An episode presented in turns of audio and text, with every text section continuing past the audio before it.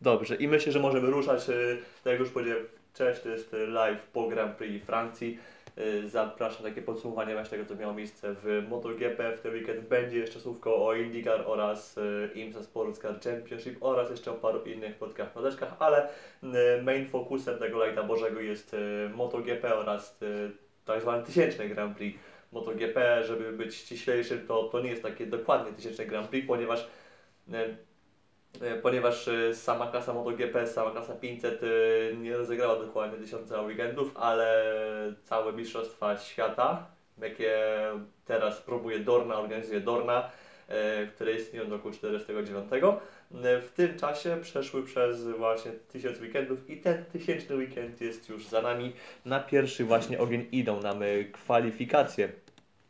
I to jest tak, na szybkości. Yy, sesja Q1, Q2 były bardzo cięte. W Q1 e, wydawałoby się, że o, o te dwa pierwsze miejsca próbujące wejście do Q2 powalczy Luca Marini oraz Fabio Quartararo i więcej.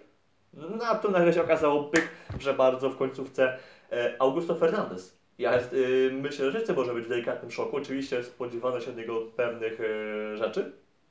Wiadomo, że, że jeździ na gaz-gasie, na prywatnym KTM-ie, e, który jest w zespole, który jest e, znacznie mniej doinwestowany względem ekipy fabrycznej oraz też ma mniejsze, mniejsze zasoby, jest inaczej zorganizowany.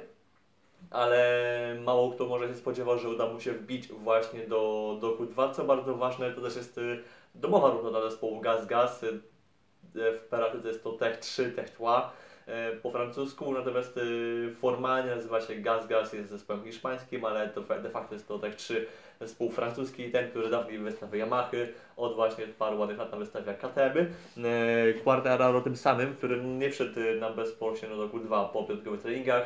E, W tym, że Q1 nam został i musiał się ustawić na miejscu 13, żeby tylko tak wspomnieć szybciutko, kto nam się na końcu stawki znalazł.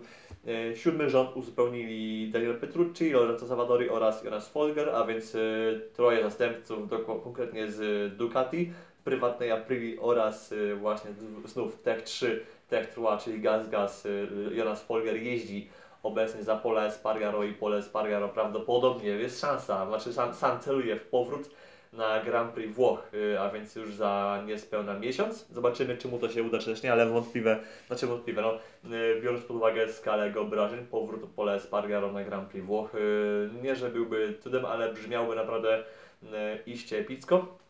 W szóstym rzędzie w kwalifikacjach nam się znaleźli Jean Mir, Franco Morbidelli oraz Alex Rins, a więc dwóch zawodników Hondy oraz zawodnik Yama jeszcze Yamahy. Morbidelli, piąty rząd właśnie Fabio Quartararo przed taką Nakagami, który w końcówce prawie mógł, mógł mu zabrać to P13 i 15 był Fabio Di Gianantonio. Natomiast w Q2 mieliśmy naprawdę spory, la, sporą lawinę, nie, czas, nie rekordów toru, ale naprawdę bardzo mocnych czasów, bo samą sesję bardzo mocno tworzył Maverick Vinales z, z Jorge Martinem, tam mieliśmy naprawdę sporą naparzankę, jeśli chodzi o czas okrążeń, właśnie o walkę o najszybszy czas okrążenia właśnie w Q2 i tam się sporo, było takie spore przemieszanie, tam też nam Jack Miller sk- skakiwał na, na pierwsze miejsce, tam na pierwszą trójkę Mark Marquez w końcówce. Yy, to wszystko nam się jeszcze bardziej zaostrzyło, ponieważ yy, właśnie Marquez czy Miller podkręcili tempo. Szkoda Mavericka Vinalesa, uważam, że jego weekend był w ogóle zniszczony. E, bardzo mocno zniszczył mu ten weekend kwalifikacje, ponieważ u Vinalesa y, siadł motocykl po prostu nagle w połowie sesji. Nie wiem dokładnie co tam się wydarzyło, nie miałem okazji dociec y, tego, co tam się dokładnie stanęło, co tam się ładnie y, zadziało lub też bądź nie zadziało, bo prawdopodobnie po prostu coś y, u niego zdechło. Y, ale no właśnie w połowie sesji musiał ratować się biegiem po, no, po drugą maszynę, przez co y, jego sesja była bardziej kompromis, można powiedzieć, czyli po prostu nie była taka w pełni pełni wykorzystany potencjał tego, co Maverick miał. Zanadrzyła myślę, że miał spokojnie jakieś e, czwarte miejsce. Skończyło się finalnie na miejscu na gridzie lokatą, lokatą, lokatą, yy, szóstą. Yy, no i właśnie, Peko Bania koniec końców, yy, na samej końcówce minuta 30 oraz 705 tysięcznych, yy, dosłownie na sam rzutem na taśmę wyprzedził Marqueza, które do niego straciły 50 ile? 58 tysięcznych. Trzeci był Luca Marini, a więc też kolejny zawodnik Ducati. Potem Jack Miller, Jorge Martin, Maverick Vinales właśnie. Uważam, że Maverick Vinales mógł spokojnie dwa miejsca wyżej wskoczyć, gdyby nie nie te problemy techniczne z motocyklem. Y, Idąc dalej, trzeci, y, trzeci rząd, Marco Bezeki, Alex Marquez, Jean Zarco miejsce dziewiąte. Bezeki dość daleko się też zakwalifikował, co troszkę szokuje, ale e, znaczy to jest tak, jeżeli byśmy spojrzeli be, bez kontekstu na to, gdzie był Marynie, gdzie był Bezeki, to jasne można było, powie, było powiedzieć, że, że Bezeki spisał się kiepsko, ale z drugiej strony spójrzmy na to, że Marini brał udział w Q1, co pozwoliło mu się lekko rozjeździć w warunkach, jakie miał- panowały na torze, a przypomnę, to były takie warunki, gdzie właśnie już tor e, był już, wysch- już przeschnął. E, Trening Moto3 był na mokrym, trening, trening Moto2 był taki przejściowy. Natomiast e, trening sobotni MotoGP już był taki na suchym, ale to cały czas były warunki, które się poprawiały i podobnie było też potem w Q1, w Q2 te warunki cały czas ewoluowały. Oczywiście już tam w Q2 już ta ewolucja była z tych wszystkich sesji była najmniejsza, bo najwięcej działo się uważam w, w, w treningu MotoGP, no i też oczywiście w tej sesji Moto2 tam się warunki na najbardziej poprawiały, natomiast w Q2 już ta ewolucja była wolniejsza. Yy, tylko jeżeli zawsze, jeżeli masz dodatkowy kwadrans yy, w postaci Q1 by się rozjeździć, zawsze masz jakąś przewagę. Jeżeli spojrzymy sobie na to, gdzie, się znajdują zawodnicy, którzy brali udział w Q1 w tym sezonie czy w zeszłym sezonie, mi się wydaje z mojego, mojego, mojej obserwacji, wynik, mam taką obserwację, o, że, która mi wskazuje, że zawodnicy biorący udział w Q1, którzy awansują potem do Q2, oni naprawdę mają zwykle jakieś tam zadatki na takie top 6. Eee, Zdarzało się przecież, że ktoś, kto brał udział w Q2, tfu, w Q2, startował w Q1, potem w kwalifikacji drugiej, wchodził spokojnie do pierwszego rzędu, a może, no, może bywały pole position. Eee, Teraz musiałem to dokładniej przewertować statystyki. Natomiast eee, ta sesja Q1 jest bardzo, mocno, bardzo pomocna i właśnie trzecie miejsce Mariniego jest kolejnym z dowodów na to. I to jest bardziej, to momentami oczywiście jest to ryzyko, ponieważ jeśli będziesz w Q1, to ryzykujesz to, że z niego nie wyjdziesz. No ale jeśli uda się wyjść, to pokazały to już paru wyników w tym roku, w zeszłym roku, że faktycznie można coś sporego dzięki temu uzyskać. W pierwszych latach tego formatu kwalifikacji, który wszedł w roku 2013, E, nie było to takie oczywiste. Oczywiście tam był taki bardziej podział, że na czele mieliśmy fabryczną ekipę Hondy, fabryczną ekipę Yamaha, potem, było, potem były prywatne motocykle tych dwóch producentów, potem mieliśmy Ducati, a potem mieliśmy motocykle albo CRT, albo Open i teraz odkąd mamy opony Michelin, to nam się troszkę bardziej to wszystko rozmieszało, nawet e, nie zawsze nawet posiadanie motocykla fabrycznego e, jest jakąś szczególną korzyścią, bo czasem nawet zawodnicy prywatni, na motocyklach prywatnych, czy do tegorocznych, czy zeszłorocznych, oni potrafili regularnie ogrywać e, tych z ekipy tej czołowej, tej, która ma największe wsparcie. E, ale skończmy już temat kwalifikacji, przejdźmy sobie teraz e, do, do, do, do, do sprintu. Do sprintów, do wyścigów e, i to jest tak, e, jak sobie tutaj ładnie zacząłem? No właśnie, sporo akcji w sprincie i zacznijmy sobie właśnie od tego, od, e, od sprintu, tylko jeszcze sobie spróbuję odpalić taką im przydatną ściągawkę odnośnie tego, kto jakie opory założył na sprint, kto jakie opory założył na kwalifikacje. Natomiast jeśli chodzi o sprint, no to wygrał go Jorge Martin przed Bartem Binderem oraz Pecco Baniają. E, Czwarty był Luca Marini, piąty Marc Marquez, szósty był Jean Zarco, siódmy był Marco Bezzecchi, ósmy Aleix Espargaro i dziewiąte miejsce z ostatnim punktem nam zajął Maverick Vinales. Potem już byli Taka Nakagami, Alex Rins, Fabio Di Antonio, Franco Morbidelli, Jean Mir, Alex Marquez, Danilo Petrucci, Lorenzo Savadori, a bez punktów z kolei nam y, dojechali wtedy Fabio Quartararo, y, Jonas Folger, y, Augusto Fernandez czy Jack Miller. I teraz sobie szybko możemy przejść do takiego szybkiego omówienia performance'ów poszczególnych zawodników, tylko sobie zobaczę, ok, Sprint Race i jest tutaj właśnie o. Piękna moja ściągaweczka. I zauważyłem, że w głównym wyścigu dominowała z tyłu opona miękka, prawie chyba cała stawka miała w niedzielnym wyścigu oponę miękką, ale y, to jest wyścig niedzielny. Omówmy sobie wyścig y, sprinterski z soboty, bo tam się działo naprawdę bardzo sporo i trzeba zacząć od tego, że świetnie nam wystartował kto? Y, Brad Binder, oczywiście on to miał kapitalny start po mniej więcej starcie z którego miejsca? Dziesiątego? Tak, z dziesiątego pola. Bardzo szybko nam się wyrwał na czołowe pozycje. Y, Na prowadzenie ogólnie utrzymał Peko Baniaja i jego start był bardzo solidny, tak samo też trzymał się za nim pięknie Luca Marini, czy jeszcze, kogo jeszcze można wymienić?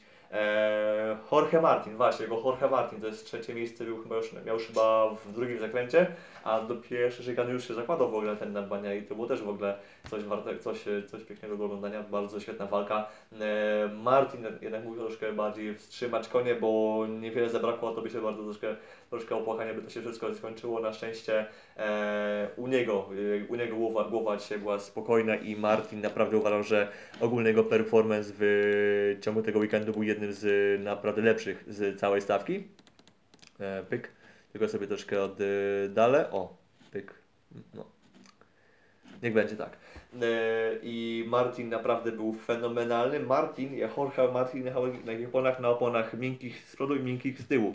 E, tak naprawdę z czołówki, czy ktoś miał e, inną kombinację, wszyscy mieli opony miękkie z tyłu, natomiast z czołowych zawodników twardszą, czy pośrednią oponę założyli jedynie zawodnicy KTM-a i to jest to był właśnie ciekawy case. Mi się wydaje, że właśnie, że Binderowi to pozwoliło trzymać się gdzieś tam z miarę dobrym tempem do samego końca, chociaż e, jestem ciekaw, co by, miało, co by wyglądało właśnie, jakby to się wydarzyło, gdyby Binder miał oponę miękką, czy może by ta opona mu dłużej potrzymała, czy, czy może by mu potrzymała mniej więcej tyle samo, ale może by wówczas mógłby bardziej też e, naciskać, e, mimo że no, on, dystans jest krótszy, więc nie musisz tej opony oszczę- oszczędzać aż tak, jak to ma miejsce w głównym wyścigu. E, Jestem ciekaw, z czego to mogło wynikać, że Binder założył oponę pośrednią, a nie właśnie miękką z przodu. No bo e, jeśli, nie chodzi, jeśli by chodziło o coś innego niż, e, nie wiem, jeżeli nie chodziło, nie chodziło o zużycie, albo nie odczucia, ani nie odczucia na to, jak się czuje na tej oponie, to trudno mi tutaj zrozumieć. W każdym razie właśnie Jorge Martin, y, jego właśnie jazda po tym już pokonanie Peko, po pokonaniu Peko Baniai, właśnie po jego wyprzedzeniu już na tym trzecim mniej więcej okrążeniu, Jorge Martin właśnie się już potem wymeldował i tyle żeśmy go widzieli, dwie sekundy przewagi zwycięstwo właśnie w sprincie, świetna właśnie walka, świetna jazda właśnie, bardzo taka widowiskowa, bardzo mocno właśnie walczył z Peko, e, jak dla mnie, jak dla mnie MVP, jeden z MVP, wyścigu. Natomiast za nim właśnie Brad Binder e, znów pokazał, że z 10 pola da się jak najbardziej przebijać e, na wysokie pozycje i kwalifikacje e, były dalej nie są mu straszne, to też trzeba właśnie wymienić, że KTM znów były dwa motocykle właśnie w Q2 i co więcej dwa motocykle właśnie w pierwszej dziesiątce. To jest jak najbardziej do, dobra wiadomość dla, ten, dla zawodników na RC16, że ta maszyna, nieważne czy w kwalifikacjach, czy w wyścigu, jest w stanie pokazywać się z bardzo dobrej strony i to jest bardzo... To jest bardzo pocieszające. Natomiast y, jeśli chodzi o Bindera, co się najbardziej wokół niego działo, to on musiał bardzo mocno uważać na to, co robili właśnie Baniaja z Marquezem. E, czemu Baniaja nie, był, nie walczył o wygraną, do, tego sobie zaraz dojdziemy. W każdym razie mieliśmy walkę Marqueza z Peko i ta walka tak naprawdę trwała nam przez w sumie cały wyścig, przez cały sprint. Cały dystans y, nam się kotowali ze sobą. Natomiast y, trzeba właśnie wyróżnić te momenty, to było chyba piąte mniej więcej okrążenie, gdy Marquez zaatakował Peko. Y, Peko potem w, szyka, w pierwszej szykanie, potem Peko na jej wyjściu y, chciał go skontrować, ale oboje tak się bardzo przyjęli walką ze sobą, że Binder tak, tak naprawdę po prostu przemknął obok, obok nich, jak mniej więcej jak Miguel Oliveira w 2020 roku w Grand Prix Styrii. E, To bardzo pięknie się oglądało właśnie, gdzie dwóch się bije, tam trzeci skorzystał, właśnie Binder był tym trzecim, który pięknie właśnie skorzystał na, na ich pojedynku, to bardzo fajnie się oglądało. Myślę, że trzeba to puszczać e, dzieciom przez sen, pokazywać, tak się właśnie walczy w MotoGP, taka jest właśnie jest walka, to było coś pięknego. I Binder potem już tak naprawdę też jechał swoje, właśnie ta pierwsza dwójka, e, po prostu jak już e, pokonali Peko, jak już przeskoczyli przed Peko, to między nimi, między Binderem a Martinem już tam wiele się nie działo. To była taka może bardziej walka korespondencyjna, patrzymy kto, e, czy który z nich e, nie zmieni swojego tempa, czy Martin nagle nie zwolni dramatycznie z perspektywy Bindera i Binder patrzył, czy może i Martin może patrzył, czy Binder nagle nie, nie narzuci jakiegoś tempa kosmicznego, którego, które by sprawiło, że jego wygrana byłaby zagrożona. E, W każdym razie właśnie Martin e, przełamał na razie duopol e, Baniai oraz Bindera, którzy jak, na, razie wygrywali sprinty. Teraz właśnie Martin stał e, trzecim innym zwycięzcą sprintów w historii tychże wyścigów i teraz przejdźmy do tego mięsa właśnie, ponieważ głównym mięsem było, była walka Peko Baniai z Markiem Marquezem, tam też ten duet się cały czas tak naprawdę tasował. Bywa, bywały momenty w sumie, że Marquez przez większość miał taką inicjatywę, że właśnie Marquez e, bardziej napierał na Peko, że Marquez czuł się na tych oponach e, zdecydowanie lepiej i był pewniejszy siebie. E, Peko wyglądało na to, że albo te opony po prostu nie był ich w stanie dograć, albo nie wiem, co jeszcze tu mogło innego się wydarzyć, czy może pff, nie wiem, czy może po prostu mu nie pasowały, czy może chodziło o coś innego. E, Chcę tego zobaczyć, na jakich oponach był Mark Marquez, e, Marquez oraz e, Mir byli na oponach miękkich z przodu oraz z tyłu. I teraz tak, właśnie ta walka była taka, że właśnie przez większość wyścigu inicjaty- inicjatywę miał zdecydowanie Marquez. Natomiast gdzieś tam w drugiej połowie, jak dystans miał już 13 okrążeń, tak mniej więcej 10, 9 okrążenie, ta inicjatywa się zaczęła zmieniać, zaczęła się przechylać na, szale Baniai i z czego to wynikało? Wydaje mi się, że mógł być problem z tym, że Peko nie mógł do końca tych opon doprowadzić do temperatury pracy, do takiej temperatury, w której te opony, te opony by prac- pracowałyby właśnie jak najoptymalniej, byłyby jak najlepsze właśnie dla tego motocykla, żeby po prostu tak pasowały, żeby on mógł wchodzić w zakręty jak e, gorący nóż w masło. E, To jest pierwszy punkt. Druga rzecz była też taka, że Marquez, pamiętajmy, jest po powrocie, po tej dwu właściwie miesięcznej przerwie. I coś od tej przerwy działo od tego momentu, gdy skasował Oliveira w Grand Prix Portugalii. No leżał właśnie w łóżku przez blisko dwa miesiące, było parę próby, parę badań przez lekarzy odnośnie jego prawej ręki, czy tam właśnie, czy, czy coś się tam nie zmieniło, coś się nie stało, nie było jakichś złam głębszych, czy coś tam. Była próba właśnie wywalczenia dopuszczenia do wyścigu przez lekarzy. Nie udało się w Jerez, udało się we Francji. Wrócił na ten na tor. W piątek w, de facto jedyne co robił to skasował dwa motocykle, ponieważ skasował skasował, skasował mu maszynę w pierwszej sesji, skasował maszynę w drugiej sesji.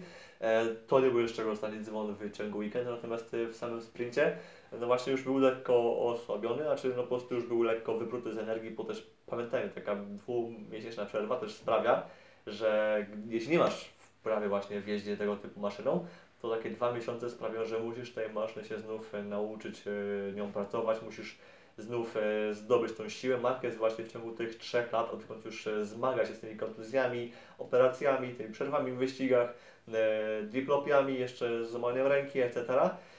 W tym czasie Marquez ma wielokrotnie naprawdę przechodzi przez bardzo trudny okres, ponieważ co chwilę albo właśnie coś przerywa jego sezon i nie jeździ jakiś czas na motocyklu, a potem musi wrócić, potem musi nabyć tą siłę, musi znów nabyć tą pamięć mięśniową, musi ją odnowić, musi znów odzyskać odczucie właśnie, czucie tego, tego motocykla. W międzyczasie też motocykl też się zmienia, bo Honda, mimo że no, dość nieskutecznie, przynajmniej tak wskazują wyniki pozostałych zawodników, no to Honda cały czas albo zmienia ramę, zmienia wahacze, cały czas przebudowuje, nie wiem, silnik między sezonami, przebudowuje też, nie wiem, e, owiewki. Było już kilka iteracji owiewek, odkąd właśnie w roku 2020 Marquez się połamał.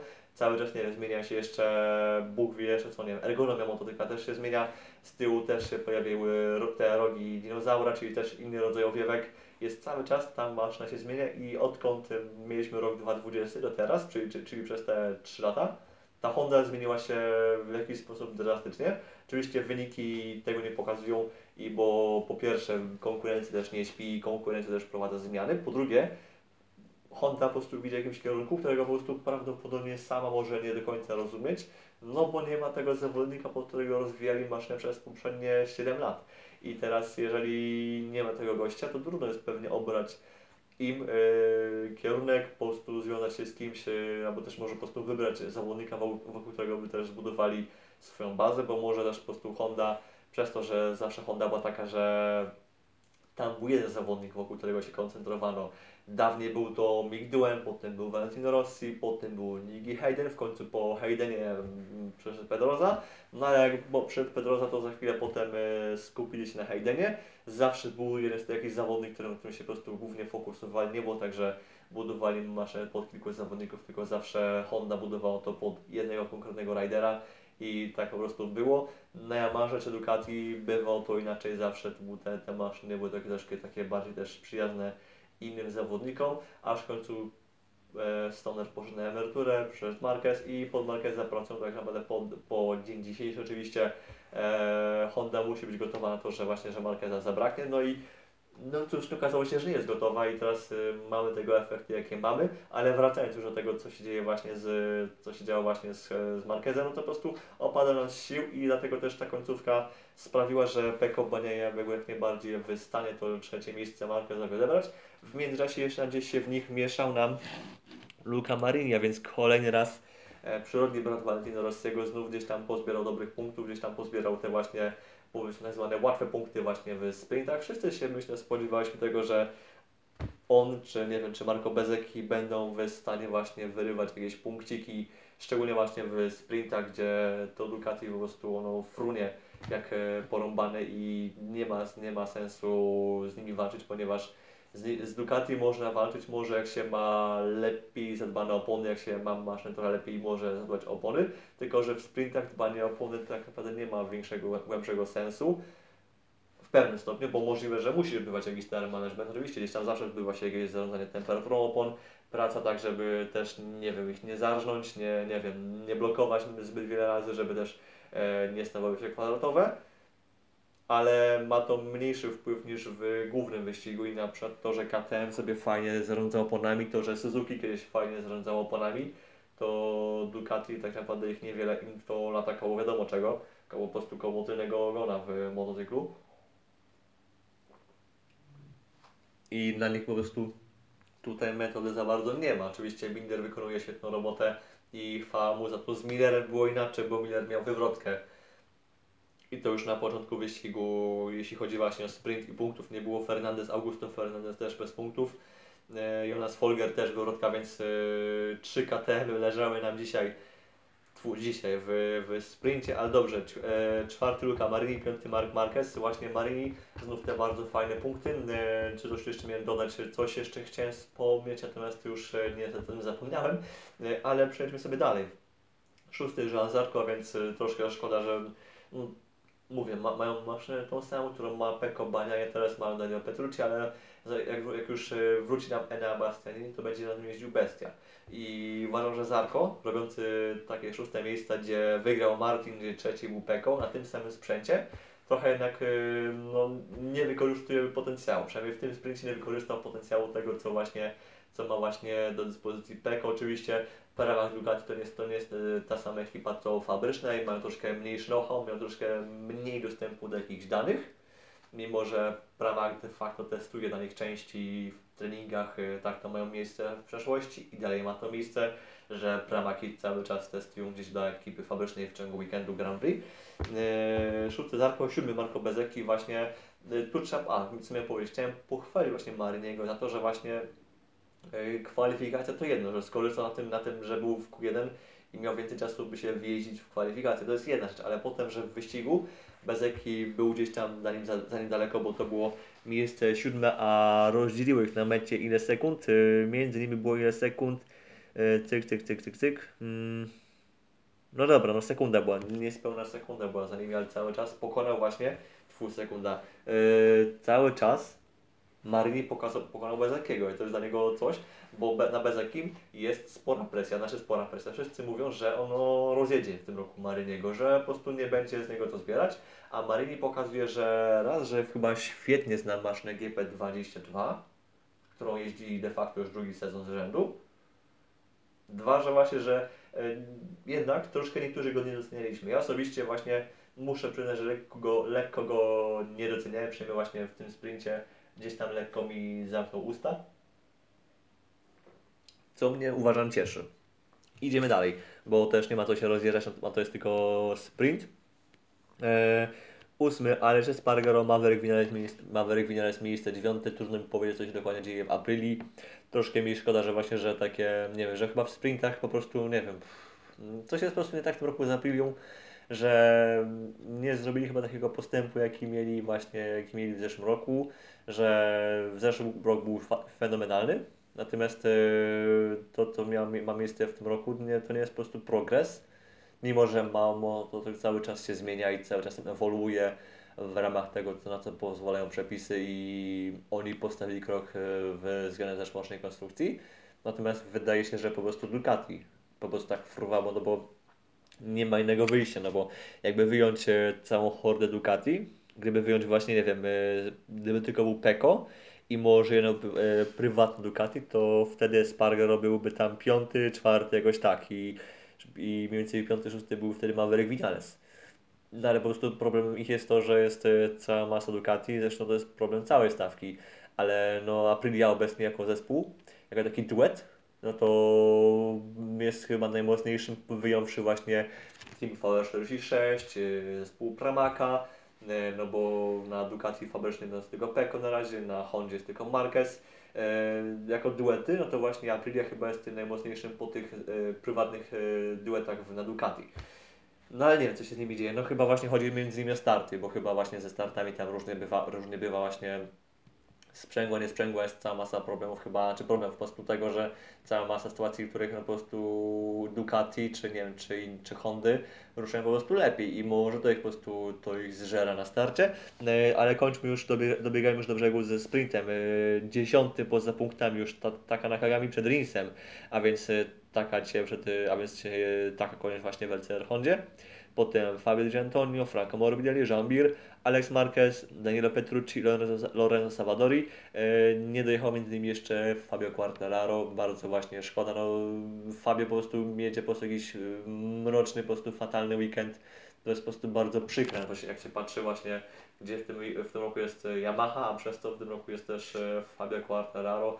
Tempo jest ogólnie świetne, jeżeli spojrzymy na takie symulacje i też to Fabio też to zwrócił na to uwagę właśnie w rozmowach po treningach, jeżeli się nie mylę, po piątkowych zajęciach, zwrócił uwagę to, że właśnie, że ogólnie tempo jest bardzo dobre, że jeżeli spojrzymy to na jego symulację, no to jest świetne, tylko po prostu problem jest taki, że nie ma po prostu prędkości, że jeżeli on jedzie w tłoku, no to on po prostu nie, nie radzi sobie, bo nie może, bo jego atutem Yamaha jest najwyżej to, że mają prędkość w zakręcie, natomiast nie mają mocy. Już tą, gdzieś tam tą, e, tą przyczepność tyłu udało się jakoś tam poprawić i jest ona lepsza, tylko co z tego, jeżeli inni rywale postawili też krok naprzód w tym aspekcie, a dodatkowo pod kątem mocy, to Ducati może po prostu rozkręcać, rozkręcać rakietę w nieskończoność, bo raz, że mają, mają tyle mocy, dwa, że są w stanie tą moc jeszcze przenieść na ten, poprzez elektronikę, na opony. I, to, i są w stanie z tych opon jeszcze z kolei przy użyciu zawieszenia wykorzystać właśnie mm, tyle gripu, ile opony Michelin dowożą. No więc E, w Yamasze cały czas są te same problemy i to jest najgorsze to, że od kilku lat one się w ogóle nie zmieniają. Znaczy okej, okay, na, na moc Yamaha narzeka od, Yamaha narzeka się od tam, nie wiem, 10 lat, nie więcej, od 10 lat się narzeka, narzeka moc. Może nawet dłużej, nie? Tylko na Hondzie na przykład coś tą mocą pewnie zrobiono. Na Ducati, na Ducati też dekadę temu narzekano na moc, że tej mocy nie ma, e, ale to był najmniejszy problem, ponieważ dekadę temu problemem Ducati było to, że oni się uczyli dopiero ramy aluminiowej po przejściu z ram stalowych i nie potrafili wydobyć e, z ramy aluminiowej przyczepności, nie, nie potrafili wydobyć, e, nie potrafili zmusić do pracy z przednią oponą, no to zrobili co? Zrobili skrzydła. No i coś tam i pokombinowali, ale w międzyczasie też z ramą też e, dokonali postępu.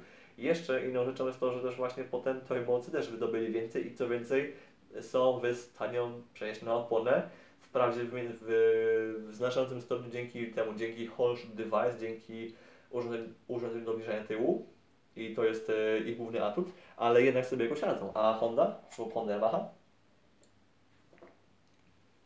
Dramat, smutek i żałość. Ale skończmy już, e, skończmy już temat e, e, sprintu. Przejdźmy sobie teraz do wyścigu głównego, bo tu też było całe mięso i też się działo co niemiara zaczniemy sobie właśnie od tego, że e, co? Że start nam, że na, na starcie nam wystrzelił pięknie Mark Marquez na prowadzeniu bardzo ładnie, ślicznie, pięknie, cudnie w ogóle.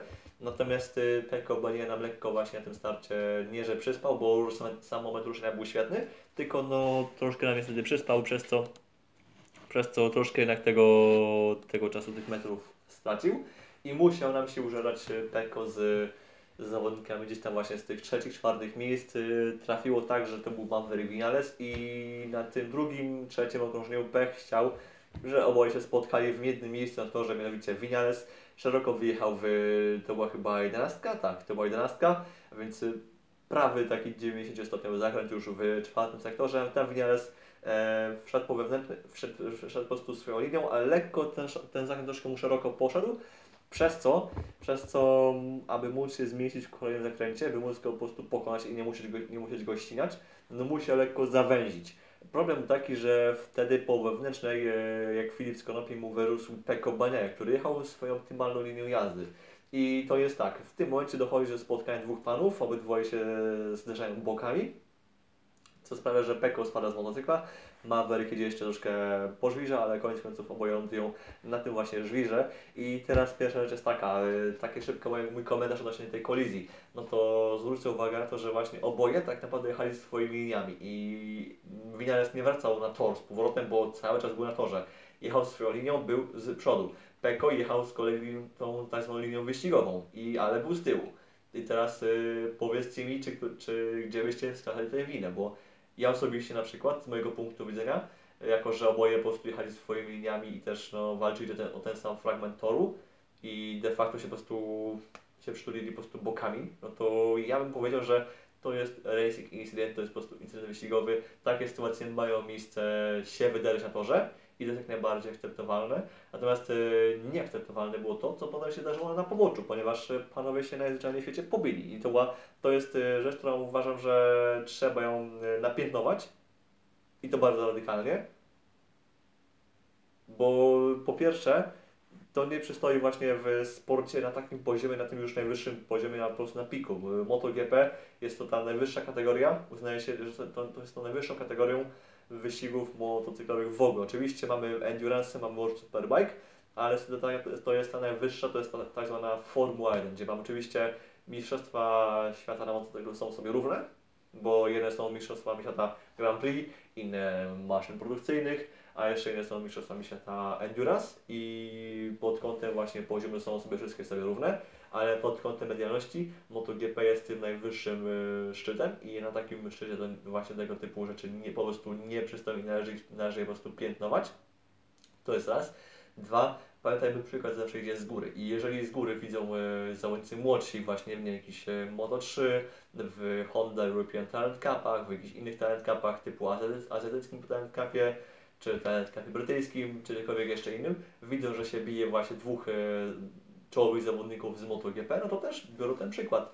Raz na jakiś czas takie sytuacje się dzieją, właśnie w tych niższych kategoriach, no ale właśnie na pewno nie pomoże, nie pomoże w utrzymaniu takiego właśnie poziomu sportowego to, że będą się bić też właśnie ci czołowi.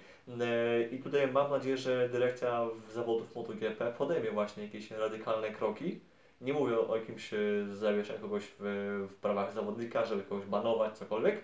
Broń Boże, z tych rzeczy to jest już oczywiście to jest tylko do oceny nazywa się w dyrekcji wyścigu. Natomiast y, trzeba jakąś, e, trzeba po prostu jakoś, jakieś konsekwencje z tego trzeba po prostu wyciągnąć. I nie ma po prostu zmiłuj. Maverick Vinales tutaj uważam, że jest e, główny, jest winnym tej całej sytuacji, jeśli chodzi o tą bójkę.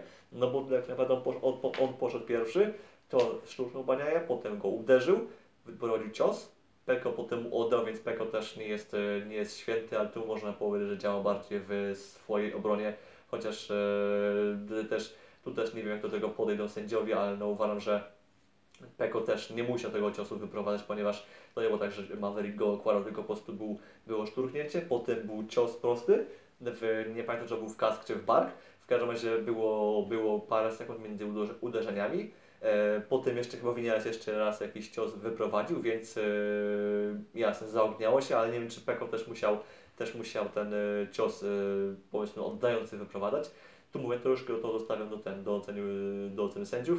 Mam nadzieję, że po prostu jakieś konsekwencje z tego wyjdą, a nie będzie jakiegoś e, zamiatania sprawy pod dywan, chociaż biorąc pod uwagę to, że sędziowie ostatnio bywają troszkę bardzo agresywni pod kątem karania za pewne sytuacje. Widzę właśnie Heres sprzed dwóch tygodni, no to myślę, że tutaj nie ma, nie musimy się o to obawiać, więc e, temat myślę, że możemy zostawić.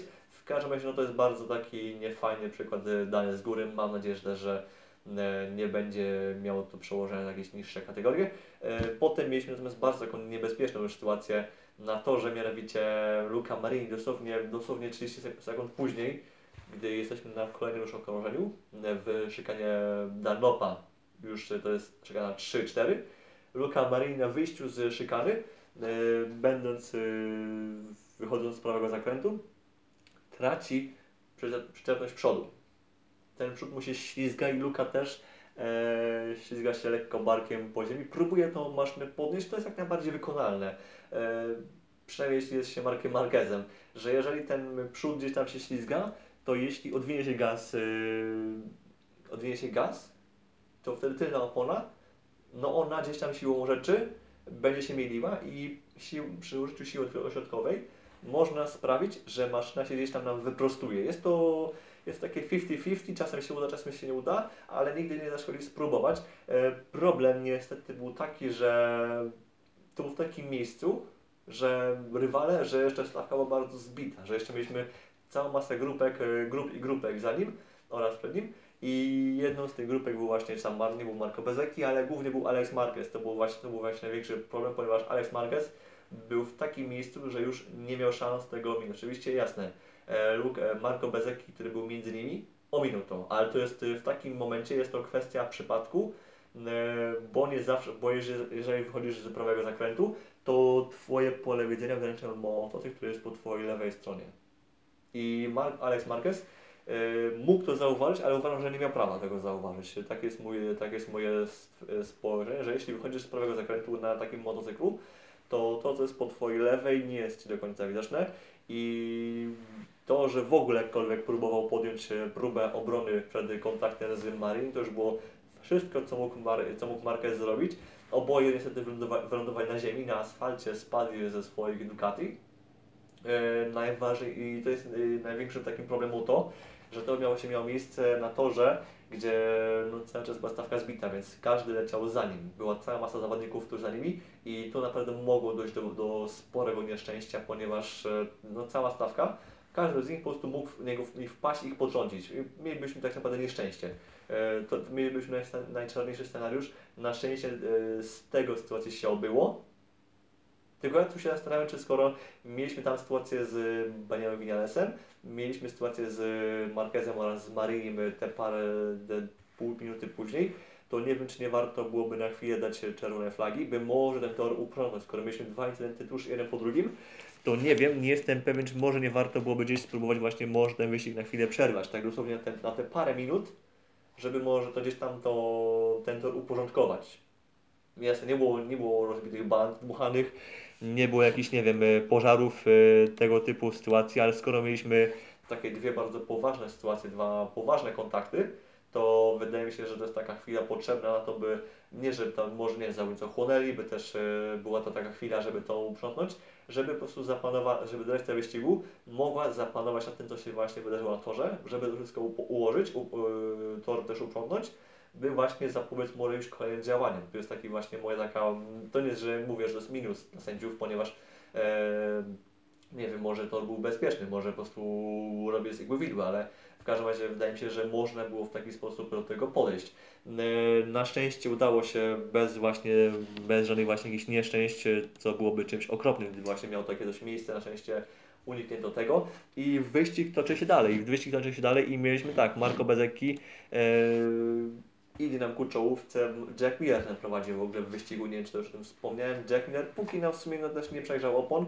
No właśnie to był taki typowy wyścig Millera, ponieważ właśnie póki te opony trzymały się u niego, to Miller właśnie bardzo mocno nadawał tempo rywalizacji, ale tuż za nim gdzieś tam właśnie do, dojeżdżał go właśnie Martin Bezeki, a właśnie głównie Bezeki, właśnie Bezekiego trzeba właśnie pochwalić, ponieważ uważam, że de facto e, Bezeki był takim właśnie riderem właśnie całej niedzieli.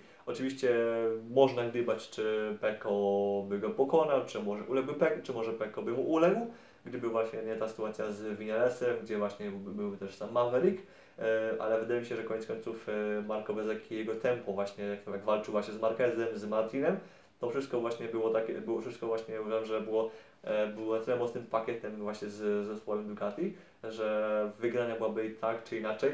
Po drodze jeszcze była kara w ogóle też z za takie wypchnięcie Marqueza w ósmym zakręcie, taka bardzo, bardzo kontrowersyjna sytuacja. Wydaje mi się, że sędziowie, znaczy to jest tak, karą było to, że musiał oddać jedno miejsce, dlatego że w momencie, w którym już był, który już na karę mu przyznano, to już między Marquezem a Bezekim był Martin. I teraz, y, no jasne, no rozumiem, że, że dotyczy tego czynu i że oddajesz tylko miejsce po prostu jedno, a nie, że musisz oddać miejsce temu, którym walczyłeś, którego wypchnąłeś, no ale no nie wiem, no właśnie to była taka bardzo taka niebezpieczna sytuacja, takie wypchnięcie kogoś, gdyby, gdyby poza tym torem, gdyby tam w lewą poza torem zamiast yy, za nie było tego zielonego pola, tylko ściana, no to by trochę był troszkę trochę takie mniej przyjemne, przyjemne dla Marqueza.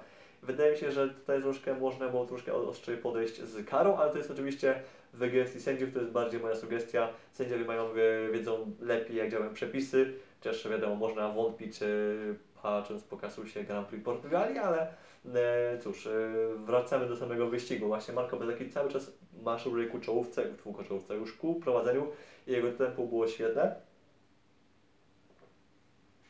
W końcu w połowie dystansu Miller robi to, to zwykle, czyli opony poddają się i tracą, e, tracą swój performance, po czym Miller zaczyna tracić właśnie tempo, zaczyna nam przepadać jak kamień w wodę właśnie w stawce i wtedy właśnie do głosu dochodzi właśnie Bezek i jeszcze bardziej Jorge Martin, też trzeba właśnie ten, e, wyróżnić. Jorge Martin to był właśnie taki wyścig e, z piekła do nieba, ponieważ po tym starcie on jest w ogóle przepadł e, w środku stawki, bo tam a bardzo pitnie jeszcze do walki na pierwszych metrach Mar- Alex Marquez, który gdzieś tam w tym szóstym zakręcie mniej więcej, czyli prawy taki długi, e, gdzie potem samochody w FIA WC idą na pętlę dłuższą w lewą, to w takim prawym długim upadającym chyba zakręt Chapelle, jeśli się nie mylę, tam Alex Marquez bardzo bitnie podszedł do właśnie walki z e, Bradem Biderem, właśnie z Jorge Martinem.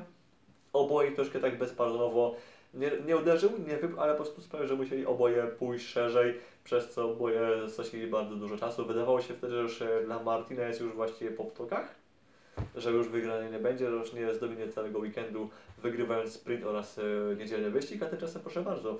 Jestem bardzo też e, dobrym właśnie, pod dobrym wrażeniem tego właśnie, jak się Martin świetnie spisał w dalszej części wyścigu, ponieważ raz, że z tego 10-12 miejsca potem był w stanie do góry, przebił się przez Zarko, przez właśnie przez Millera, potem przebił się właśnie przez Marqueza, przez jeszcze Augusto Fernandeza, to też będzie zaraz jeszcze będzie też osobna wzmianka. Yy, przebija nam się na ten, do drugiego tego miejsca. W końcówce no już niestety nie udało się tych, tych ponad, ponad 4, a właściwie prawie już 5 sekund yy, zerwać do Bezekiego. I wydaje mi się, że gdyby nie ta kolizja, gdyby nie, ta sytuacja z, ze startu, to może Martin byłby właśnie, chyba walczyłby jako wygraną z Bezekim. No ale tak czy inaczej myślę, że Martin naprawdę był też e, fenomenalny w ten weekend i to był jeden z, tego, takiego, jeden z takich chyba najlepszych performance'ów ogólnie. Jestem bardzo zadowolony z tego właśnie, jak się, jak on się świetnie spisał. E, idąc dalej właśnie, Joan Zarco, to też trzeba właśnie wyróżnić. Właśnie na razie mówię w tym roku, że według, według mnie duet y, Prima Ducati, a właśnie po prostu w ramach Ducati nie wykorzystywał takiej pełni potencjału, jaką, jaką ten pakiet miał. Bo uważam, że Ducati, że ekipa Pramac Racing, skoro ma motocykle fabryczne, takie same, jakie ma, jakie ma właśnie Peko, jakie ma Enea, który oczywiście chwilowo jest kontuzjowany, uważam, że powinni, powinni być w stanie wyrobić e, takie osiągi, że ja pier. Tak może bym powiedział. Natomiast e, to, co na razie pokazywali, było takim troszkę zmarnowanym potencjałem i dziś muszę powiedzieć, że naprawdę dziś mnie zaskoczyli jak najbardziej in plus i to, było, to był właśnie świetny performance. Przy czym yy, Zarko, przy czym uważam, że tak, że oboje skorzystają na tym, właśnie, że wypadnie z wyścigu Marquez, Marini, Vinales, yy, Baniaja, ale tak czy inaczej właśnie punkty, czy podia, czy zwycięzcy są na mecie. E, o ile właśnie Martin był świetnym właśnie MVP, miał po prostu właśnie sporo walki, tak uważam, że Zarko był takim dzisiaj troszkę takim No Man Island i sporo właśnie zawdzięczał błędom właśnie, czy też wyrodkom właśnie Millera, jeszcze Marqueza, etc.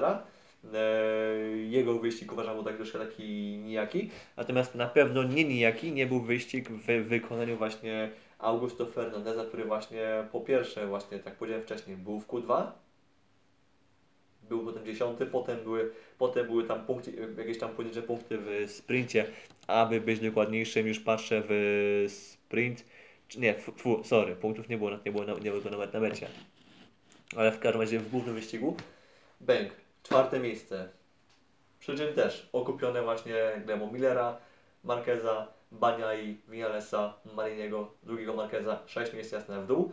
No ale gdyby nie te wszystkie gleby, jasne, byłby dziesiąty, ale biorąc pod uwagę to, że miał cały czas przed sobą, tuż przed sobą Zarko, na mecie między Zarko a, a Fernandezem było, było ile?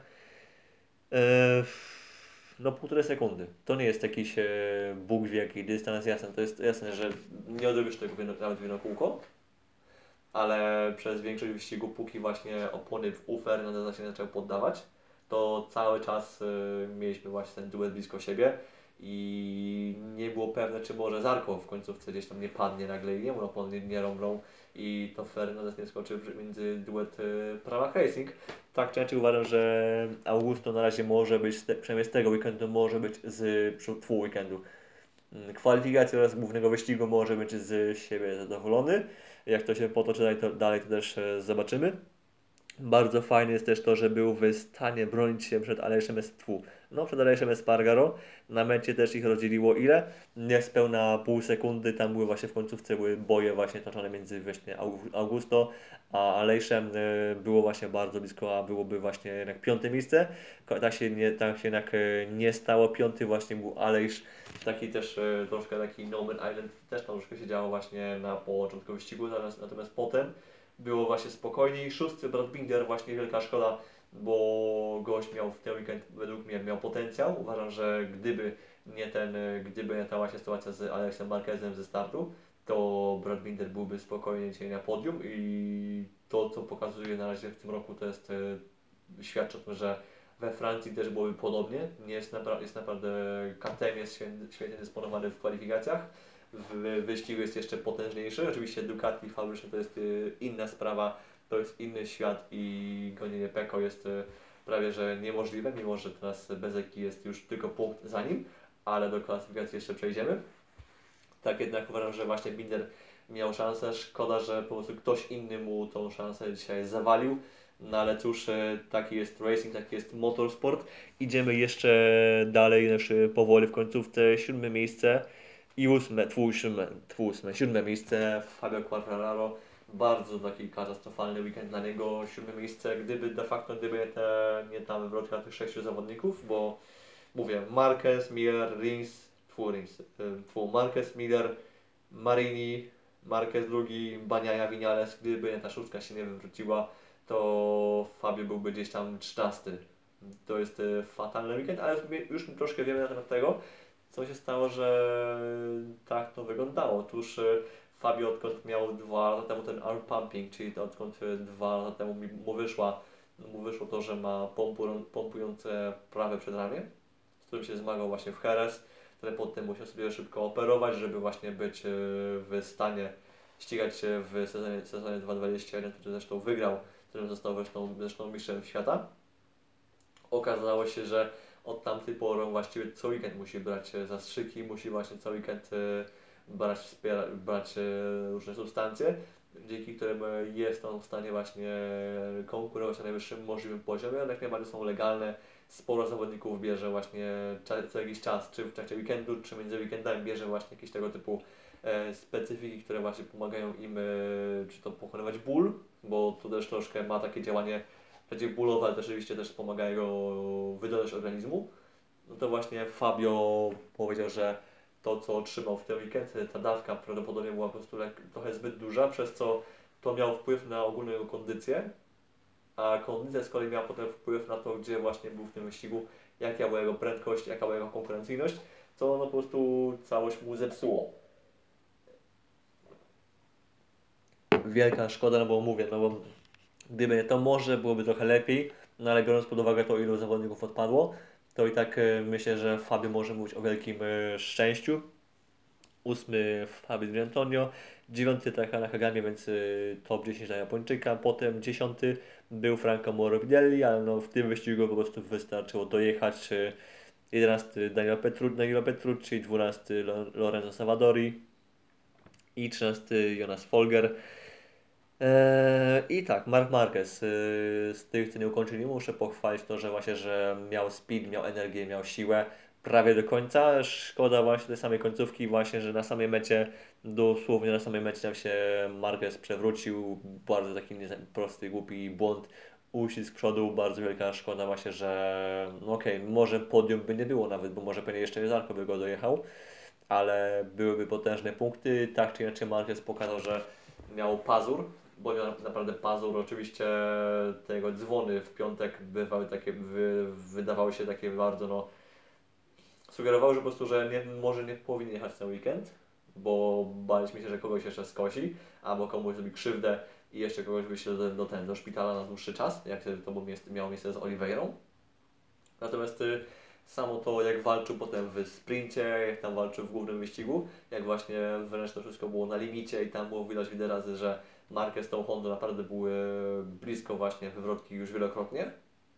Pokazuje, że faktycznie Marquez jest y, w dobrej kondycji, jest w gazie, jest y, w stanie być bardzo szybki jeżeli nie będzie jakiś, e, jeżeli to jest, to jest tor, który możliwe mógłby jakoś pasować, nie wiem, może po prostu przez to, że nie, jest, nie ma aż tak długich prostych, to Honda może też nie zmagać tak właśnie z tymi prędkościami.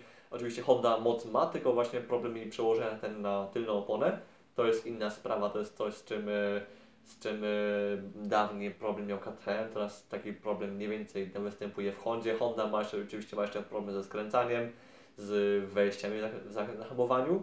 E, właściwie prawie w każdym aspekcie Honda ma jakieś problemy, natomiast Marquez swoim stylem jazdy jest w stanie to rekompensować, bo on też jeździ na limicie i też właśnie to w jaki sposób ta Honda jeździ, działa pod nim, to sprawia, że to wygląda inaczej niż miał miejsce to u Rinsa przez większość, przez większość dotychczasowego roku, u Mira czy u Nakagamiego. Propos właśnie Mir, Rins też leżeli właśnie, ale to już, to już były inne sytuacje no po prostu tam były jakieś inne błędy, natomiast Marqueza właśnie tą główną przyczyną właśnie było to już zmęczenie organizmu, plus właśnie chyba też ta zużyta opona. W każdym razie, gdyby nawet pomijając tą wywrotkę, uważam, że Marquez może być e, ze swojego performance'u, może być po prostu dumny. No jest naprawdę po powrocie, po tych dwóch miesiącach bez jazdy, wsiadasz na maszynę, oczywiście zgasujesz ją dwa razy w piątek, no ale potem w kwalifikacjach bank prawie jesteś na pole position, oczywiście wyholowanym, ale, ale prawie pole position. Potem w sprincie piąte miejsce, gdzie w sprincie naprawdę wszyscy się tłuką i nie ma litości, wszyscy Cię gonią i cisną ile, ile się wlezie, a potem jeszcze w wyścigu prawie się ocierasz o podium, y, więc y, to jest naprawdę na powrót, to jest y, świetny sposób, świetny występ i tutaj nie ma, nie ma co płakać nad tą wywrotką, trudno, no i tak, i tak w tym roku chyba majstra raczej nie powalczy, bo Mistrzostwo Świata będzie komukolwiek trudno powalczyć poza poza Peko Baniają. E, czy coś tu jeszcze możemy w kontekście samego wyścigu wspomnieć? E, myślę, że to już myślę, że to będzie raczej koniec, więc na samą końcówkę przejdźmy sobie może jeszcze do klasyfikacji generalnej. Szybko sobie może wspomnijmy o tym, co tam też się właśnie dzieje w, w punktacji. I to jest tak, właśnie Peko Baniaja po tym właśnie dzwonie, po tej, po tej sytuacji z Vinalesem prowadzi jak najbardziej, bo miał taką przewagę po sprincie, że nikt by mu tych punktów e, tego prowadzenia nie zabrał.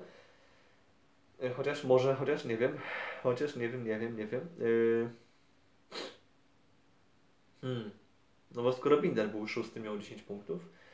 No nie, sorry, Binder mógł mu zabrać, przepraszam bardzo, bo miał 22 punkty straty, ale bez Eki. Skoro wygrał Apeko miał 0, no to między innymi jest teraz punkt. Szkoda właśnie tego, że Binder nie mógł być wyżej po tą właśnie akcję ze startu, no ale Binder jest teraz trzeci, ma punktów 81, więc traci do, e, bez jakiego traci punktów 12, e, a do Peko traci punktów 13, więc jest e, ta pierwsza trójka się mega ścieśniła. Potem czwarty jest Jorge Martin właśnie, który miał świetny weekend i on jest czwartym i z kolei właśnie z Jorge Martinem pierwsza czwórka z kolei teraz zamyka się w 14 punktach. Top 4 pójdźmy dalej. Natomiast właśnie po tym jest już taka lekka przepaść, bo Joa Zarko traci do, do Martina 14 punktów, ale właśnie MVP tego weekendu pod kątem punktów, e, jak w Jerez, takim MVP właśnie, takim, takim e, najmocniejszym zbieraczem punktów był KTM, gdzie KTM z, z Millerem, z Binderem tych punktów naklepali ostro, bo były, było wygrane w sprincie, były potem jeszcze, oprócz tego były, było podium jeszcze w sprincie oraz dwa podia w wyścigu głównym. Tak, w ten weekend MVP był właśnie Pramac Racing, które właśnie było pod tym kątem było niezawodne, bo wygrana Martina w sprincie, potem dwa podia w głównym wyścigu, więc y, dzięki temu właśnie Martin Zarko z gdzieś tam z drugiej piątki wskoczyli do pierwszej piątki i to jest yy, widać, że tak cały czas tak się zmienia, ponieważ raz takie, w takiej czołówce była Aprilia, potem w drugim yy, inny weekend w Argentynie w czołówce były właśnie byli zawodnicy mm, Team VR46 Teraz mieliśmy w Heres, mieliśmy w czołówce były dwa KTM, teraz z kolei w czołówce był duet Pramac Racing. Widać, że cały czas gdzieś tam to, co się dzieje między drugim i trzecim miejscem, cały czas gdzieś tam, yy, gdzieś tam tam skacze. Więc yy, widać, że cały czas ta czołówka, ta pierwsza piątka jest bardzo zmienna. Tam się, tam się dzieje cała masa, cała masa nieprzewidywalnych zdarzeń i kolejne wyścigi pod tym kątem mogą być fenomenalne, mogą być mega emocjonujące i powinniśmy mieć tutaj sporo, sporo fanów. Idziemy jeszcze dalej, tak może coś jeszcze możemy na coś e, zwrócić uwagę. No właśnie szósty jest teraz Luca Marini, który trochę tych punktów e, stracił. No była, była ta wyrodka właśnie w niedzielę, która po prostu no, bardzo mocno mu namieszała właśnie w punktacji. Szkoda, ponieważ Marini rok temu właśnie słynął z tego, że po prostu dojeżdżał, co by się działo. W tym roku niestety już to była druga wywrotka, no bo mieliśmy dzwon był w Portugalii, teraz był dzwon we Francji. Szkoda wielka, ponieważ no, potencjał jest, przynajmniej na razie w tej pierwszej połowie sezonu. Ma Maverick Vinales miejsce siódme, ósmy jest Fabio Quartararo i niestety boję się, że Fabio Quartararo już po prostu o to mistrzostwo w tym roku nie powalczy. To już jest po prostu chyba już, e, no powiedziałem tak, że Jerez musiałby walczyć o podium, e, we Francji musiałby walczyć o podium e, i w Mugello musiałby walczyć o podium. Mieliśmy w Jerez oraz Le Mans właśnie, te dwa weekendy z tych trzech, które wymieniłem i Fabio wywiózł ile punktów łącznie?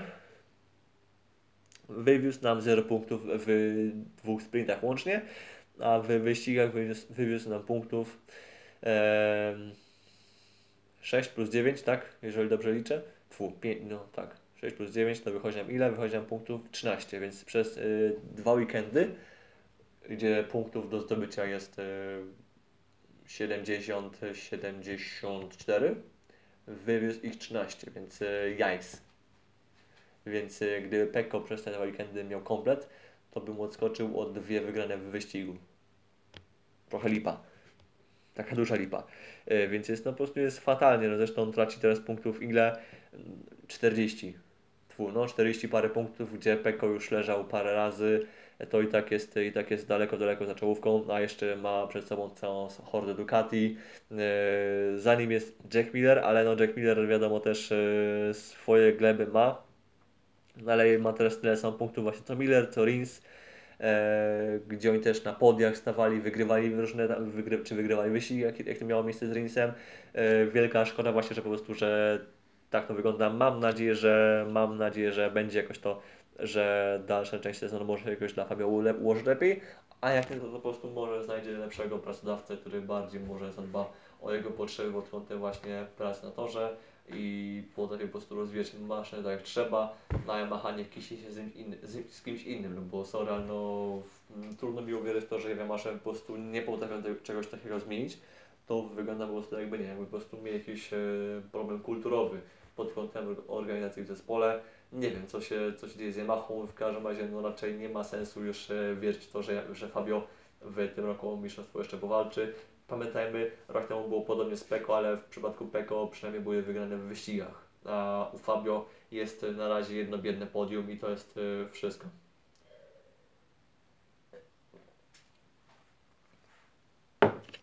Kończmy już teraz y, temat MotoGP, więc y, na sam koniec jeszcze tylko słówko odnośnie tego, co jest za tydzień, ponieważ za tydzień, znaczy de facto w tym tygodniu rusza teraz cały ten tydzień testów do Indy 500. To jest raz. Dwa, mamy też y, Grand Prix Emilii Romani na Mugello, na Imoli. Jeszcze dodatkowo też y, kolejna rzecz, jeszcze dzisiaj, czyli w niedzielę, mamy jeszcze sprint IMSA Sports Grand Championship tym, na torze Laguna Seca, gdzie z kolei zauważyliśmy, że doszło do takiej bardzo niefajnej zmiany asfaltu na, na torze Laguna Seca między właśnie zakrętem 5 a 6 a więc dojazd do słynnego korkociągu, okazuje się co? Że yy, położyli asfalt na wyjściu na tym, na zewnętrznej ponad torem. To jest bardzo takie dziwne, takie what the, what the fuck, co byś tam najlepszego zrobili? Come on, bardzo fajne tor, z miejscem, które, z torem, który yy, z nawierzchnią, która jest oczywiście trudna, która jest yy, z takim bardzo fajnym układem toru, gdzie limity toru są takie bardzo naturalne, ponieważ nie masz tam asfaltu nigdzie ponad torem, znaczy nie było asfaltu, tylko był to piach, żwir czy coś tam i jak gdzieś tam wyjdziesz, to od razu masz, jesteś karany przez te, przez limity, limity toru, a tu proszę bardzo jest, nagle jest, pojawia się asfalt. Yy, kierowcy są wkurzeni, kibice są wkurzeni, wszyscy są wkurzeni, nie wiem, nie wiem z jakiej paki to się w ogóle wzięło, że nagle na tak legendarnym torze, który był tak naturalny, nagle pojawia się takie badziewie. To jest e, jakiś po prostu skandal i nie totalnie nie rozumiem paki to się w ogóle pojawiło. Mam nadzieję, że to nie będzie jakiś trend e, dla innych amerykańskich torów, ponieważ tory w USA są takie, takie bardzo pure, takie, takie, takie czyste, takie pozbawione tego typu takiego bullshit. Mam nadzieję, że to nie, nie będzie jakiś trend e, dla innych obiektów, ale bardzo po prostu nie pasuje ten do, do Laguna Seca. E, mam nadzieję, że to nie będzie też jakiś, e, nie pojawi tam się jakiś trik odnośnie do limitów toru, które będą eksploatować kierowcy i nagle sprawi, że walka w wyścigach troszkę stanie się trudniejsza. W każdym razie mi to się nie podoba. E, jeszcze czy my, coś, czy, my, czy my coś tu ciekawego będziemy mieli? A no jeszcze MotoGP teraz nam się udaje na blisko miesiąc przerwy, ponieważ dopiero 10-11 czerwca będą sprint, kwalifikacje oraz wyścig o Grand Prix Włoch na Mugello, więc na jednym z najfajniejszych torów w, w całym kalendarzu MotoGP. Tylko problem, problem jest taki, że to będzie nam kolidowało z 24 Hours of Le Mans. E, ja nie wiem jak mam zrobić e, obydwa, obydwa weekendy, bo będę prawdopodobnie w Le Mans na torze. Jeszcze oczywiście czekam na klepięcie akredytacji, bo już logistykę mam właściwie gotową, no ale jeszcze czekam na akredytację, a tak to właściwie już tam się pakuję i wyjeżdżam. Natomiast nie wiem jak ja mam obrobić dwa weekendy tak dwóch ważnych serii, gdzie Le Mans będzie dla mnie bez cienia wątpliwości ważniejsze jednak. A przy MotoGP też jednak lubię pracować, to mi, to mi bardzo sporo frajdy dostarcza. Na tymczasem cykl, co ja mam zrobić, e, cóż mam począć, no nie wiem, no będę musiał sobie sam e, radzić. E, Myślę, że to byłoby już e, chyba wszystko wszyściutko. Ja bardzo dziękuję Wam też za, za uwagę i mam nadzieję, że ta godzinka spędzona ze mną była czymś jak najbardziej, czymś godnym, godnym e, poświęcenia Waszego cennego czasu. Mam nadzieję, że słyszymy się w najbliższych dniach. e, Będą też oczywiście wyszły, wychodziły różnego rodzaju materiały z moim udziałem, które będę dla Was publikował na tym kanale na YouTube. Oczywiście na Spotify też za chwilę powinna być cała wersja właśnie nagrania z tego podca- tegoż oto podcastu. Natomiast y, na dziś cóż, y, ja dziękuję Wam bardzo. To był Grzegorz Motorsport Piotrowicz. Ja dziękuję Wam bardzo i cóż, do usłyszenia.